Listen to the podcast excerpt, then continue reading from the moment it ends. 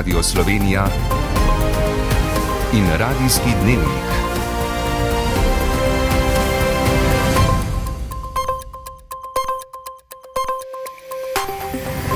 Ura je 18 in 30 minut.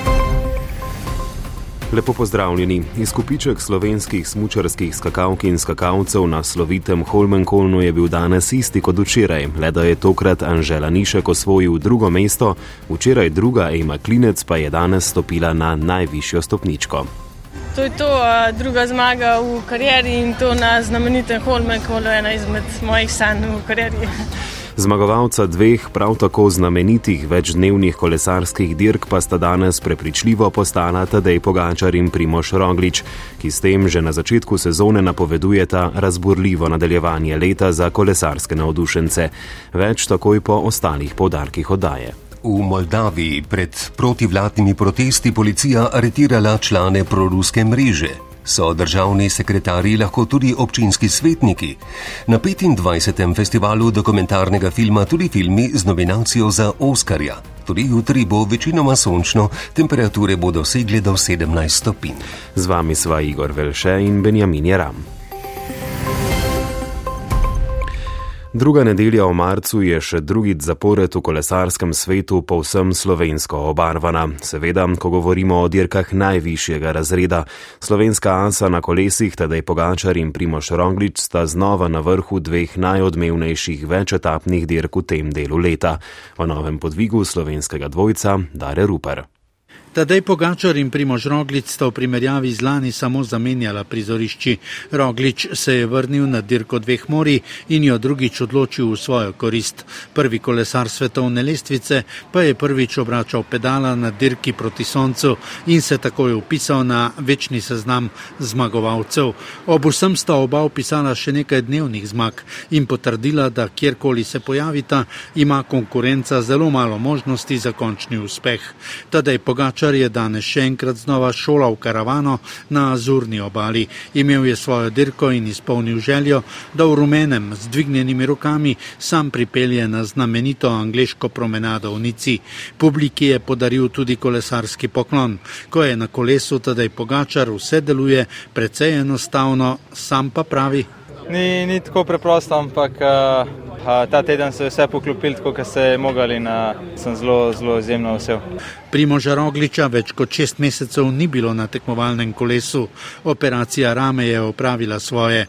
Kisovčan je sam začutil, da je že pravi in zaprosil svoje šefe pri Jumbu Vismi, da ga predčasno vrnejo na cesto. Ugodili so mu, Roglič pa jim je vrnil zmago in dodal še eno vrlino, da tudi ko je kazalo, da ni najboljši, je zmogel korak več in prvi prečkal ciljno črto, kar se je videlo predvsem v petek. Prvotni povratek je Primož prehitev za dva tedna in dobil potrditev, da priprave za Džiro potekajo kot morajo. Od naslednjega ponedeljka bo dirkal v Kataloniji, Pogačar pa že v soboto napada nov spomenik med Milanom in Sanremom, kjer naj bi bilo kar pet slovencev. Slovenska kolesarska simfonija se na srečo ne ustavi in naj traja. Vse več je indicev, da želi Rusija destabilizirati vlado v še eni nekdani Sovjetski republiki Moldaviji. Ameriški obveščevalci so prepričani, da prav Moskva pomaga organizirati protivladne proteste v Kišinjovu in nekaterih drugih moldavskih mestih, na katerih demonstranti zahtevajo odstop vlade in predsednice Maje Sandu. Množice protestnikov so se na ulicah zbrale tudi danes, v središču moldavskega glavnega mesta pa so se protestniki spopadli s policijo, poroča vlasta Jeseničnik. Dol z Majo Sandu so v središču Kišinjeva vzklikali udeleženci protivladnih protestov, ki so nosili plakate z napisi Zahtevamo dostojno življenje, ustavite rast cen, sramota.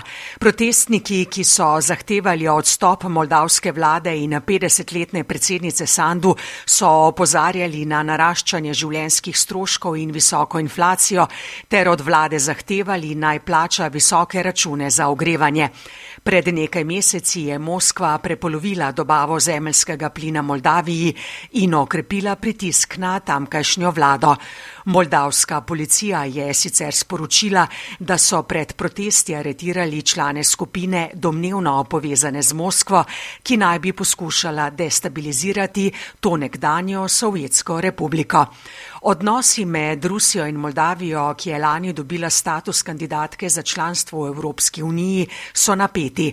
Moldavska predsednica je pred mesecem dni Rusijo obtožila načrtovanja strmoglavljanja oblasti. Moskva pa trdi, da Ukrajina kopiči vojsko ob meji z Moldavijo in pripravlja provokacijo v samooklicani Pridnestrski republiki, ki je leta 1990 razglasila neodvisnost od Moldavije.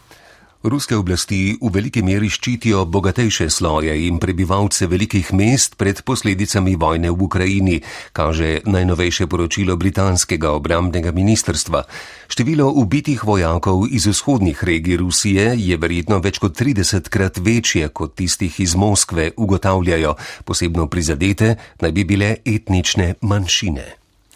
Posel podjetij, ki izdelujejo vojaško in obrambno opremo, cveti. To dokazujejo tudi poslovni rezultati enega največjih tovrstnih podjetij na svetu. Italijanski Leonardo s sedežem v Rimu se je o predstavitvi obračuna preteklega leta pohvalil, da se je obseg novih naročil dvignil za več kot petino. Podrobneje naš dopisnik Janko Petrovec. Dobiček italijanskega Leonarda je lani znašal 932 milijonov evrov, kar je za dobrih 58 odstotkov več kot predlani. Obseg novih naročil se je dvignil za 21 odstotkov na 17,3 milijarde evrov. Uprava, ki jo vodi Alessandro Profumo, je izpostavila čvrstost, odpornost in inovativnost podjetja, ki da je pripravljeno na kompleksne izzive sedanjosti. Podjetje je uspelo tudi znižati obseg svojih dolgov, ki zdaj znašajo dobre 3 milijarde evrov. Leonardo, ki je v 30 odstotni lasti italijanske države deluje na področju vojaške opreme, letalstva in informacijske varnosti. Gre za največje pretežno obrambno podjetje v Evropski uniji in 12 na svetu. V Italiji in 20 drugih državah zaposluje več kot 50 tisoč ljudi. Pozitivne rezultate poslovanja je pričakovala tudi Milanska borza, kjer so se delnice Leonarda od začetka leta podražile za tretjino. Po mnenju analitikov je podjetje povečalo dobiček in obseg poslovanja zlasti na račun večjega povpraševanja držav članic članic NATO po začetku vojne v Ukrajini.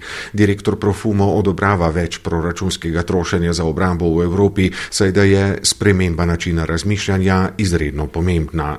Z Leonarda so še sporočili, da so v teh dneh sklenili pogodbe za izdelavo 50 lahkih helikopterjev tipa AV-09 v sodelovanju z ameriškim Boeingom, pa tudi za 13 bojnih helikopterjev tipa MH139A, ki jih je naročilo vojno letalstvo Združenih držav.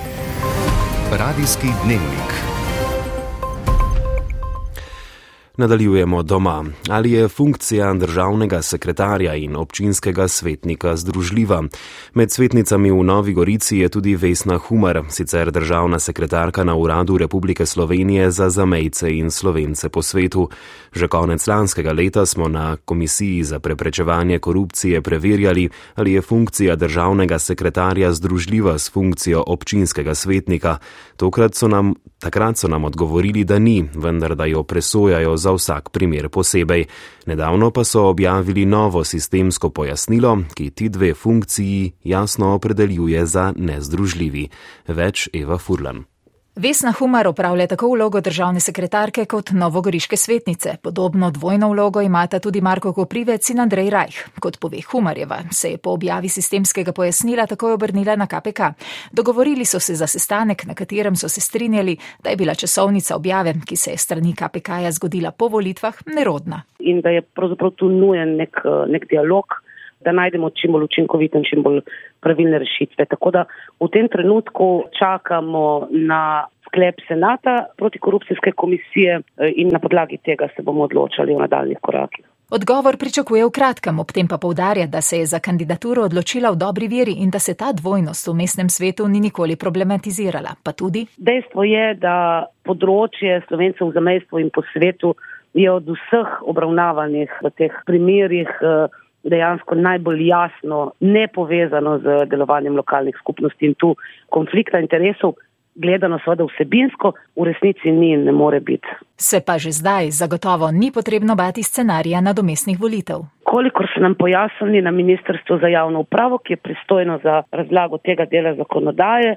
se v primeru ugotovitve o nezdružljivosti uh, funkcij potem sprejmejo ustrezni ugotovitveni sklepi, ki omogočijo, da se naslednji na listi uvrsti v občinski svet brez nadomestnih volitev. Naslednja na listi, ki bi zasedla mesto svetnice, je Martina Murovec. A najprej je treba počakati na sklep senata KPK-ja in kot podarja Humarjeva, se bodo v stranki jasno in nedvoumno držali najvišjih standardov.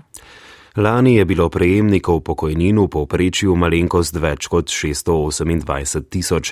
Stopnja rasti je bila ni celih 5 odstop odstotna, gre za eno najnižjih rasti števila upokojencev v zadnjih 30 letih. Lani avgusta je bilo prvič v zgodovini več kot milijon zavarovancev. Še več zanimivih statističnih podatkov v prispevku Urške Valjavec. Ženske se v poprečju upokojijo pri 61 letih, moški pri 62 in pokojninska doba v poprečju so delali ženske 38 let, moški 37 let. Generalni direktor Spiza Marjan Papež. 80,2 odstotka žensk se je lani upokojilo 40 let dobe in več, moških 72 odstotkov.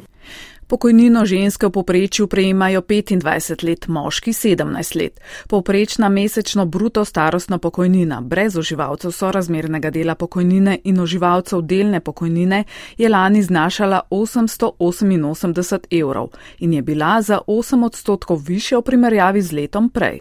Koliko so se pa realno pokojnine lansko leto znižale? Ni cele 7 odstotka, so se realno zmanjšale pokojnine O poprečnih zneskih pa. Tukaj je zanimivo, ženske imajo celo višjo pokojnino kot moški v zadnjih letih. Ne. Tako da tisto ovrzeli, ne, tisto se spreminja. Najbrž bo, bo moški imel naslednje leto vseeno više pokojnine, ker se odmerni odstotek izenači. Odmerni odstotek za 40 let dopolnjene pokojninske dobe za ženske in za moške znaša 63,5 odstotka. V Cankarjevem domu v Ljubljani te dni poteka 25. festival dokumentarnega filma. Nocoj bodo predvajali celovečerni dokumentarec Hiša iz Trsk o ukrajinskem zavetišču za zanemarjene otroke v Lisičansku na vzhodu države, ki so ga posneli še pred vojno, ki se je razdivjala februarja lani. Na nocojšnji podelitvi Oskarjev se bo film potegoval tudi za zlati kipec v kategoriji celovečernega dokumentarca. Urban Tarman. Hiša iz Trsk se odvija v Lisičansku na vzhodu Ukrajine. Rusija ga je zauzela julija lani v zavetišču za otroke iz družin, ki so jih razdejali alkohol, nasilje, brezdomstvo. Po ruskem napadu na Ukrajino se je problem razširil na vso državo. Postal je tako velik, da bo zaznamoval več prihodnjih generacij. Je povedal danski režiser Simon Lerenk Vilmont. Socialne delavke si prizadevajo otrokom Evi, Saši, Polini in Koli ponuditi varno zavetje in razumevanje. V zavetišču otroci lahko ostanejo devet mesecev. Če njihovi starši po odločitvi sodišča izgubijo starševske pravice in delavke ne najdejo sorodnikov ali rejnikov, jih morajo poslati v sirotišnico. Izjemno pomembna se mi zdi neverjetna sposobnost otrok, da se prilagodijo, da preživijo in se tudi v tragičnih okoliščinah obrnejo k dobrim stvarem v življenju, k tesnim osebnim odnosom, k prijateljstvu, osebi, na katero se lahko oprejo ali celo sami ponudijo podporo. Dodaja režiser filma Hiša iz Trsk, ki bo na sporedu festivala dokumentarcev nocoj in v sredo nagrado. Poteguje se za Oskarja, pa tudi za festivalsko nagrado Amnesty International Slovenije za najboljši film na temo človekovih pravic. Oddajo smo začeli z izjemnimi dosežki športnikov in z njimi bo zaznamovan tudi prispevek športnega uredništva, ki sledi. Besedo v nadaljevanju predajam Sandiju Škvarču, jaz pa vam želim lep preostanek nedelje.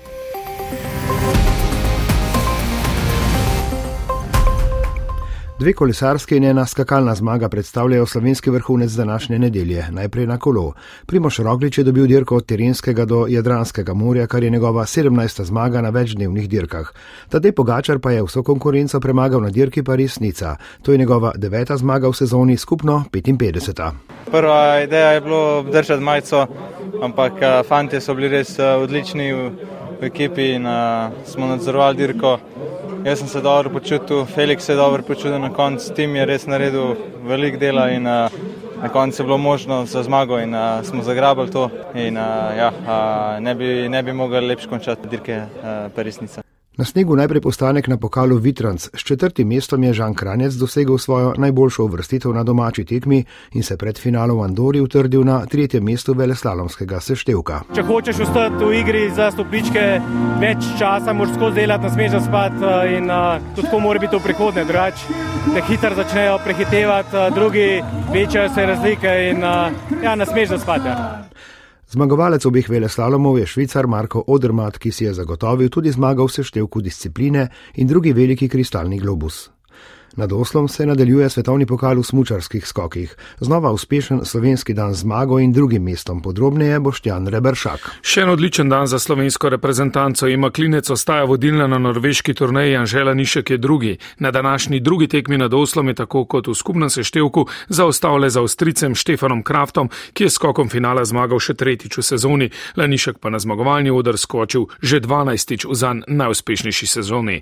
Za Laniška nov izjemen vikend za večino ostalih slovenski reprezentanci slabše razpoloženje, svetovni prvak Timi Zajce razočaran na desetim mestom, ostalih sploh ni bilo med 30-terico finalistov, zato pa navdušenje v ženski skakalni reprezentanci z drugo zmago v karieri Eme Klinec, ki se je na vrh zavihtela z petega mesta po prvi seriji. Prevzela je tudi vodstvo v norveški turneji v boju za najzahtjetnejši denarni sklad v sezoni.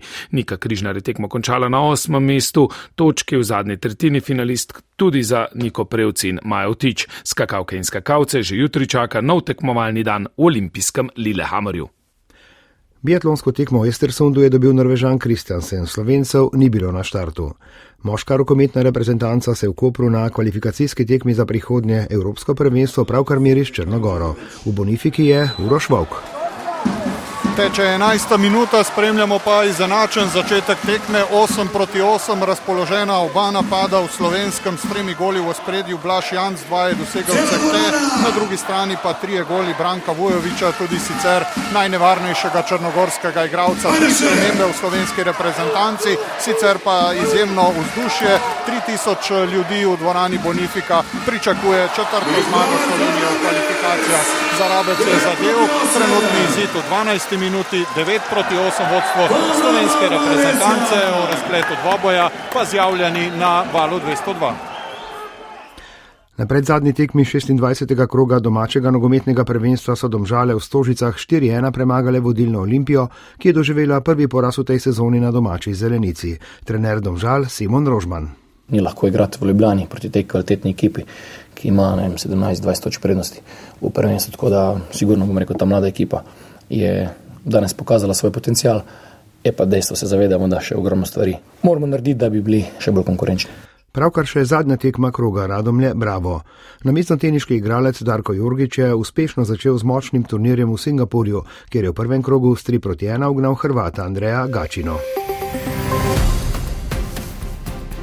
Poslušali ste radijski dnevnik, urednica Špela Bratina, voditelj Benjamin Jaram, napovedovalec Igor Velšetonski mojster Mateuš Bitenc.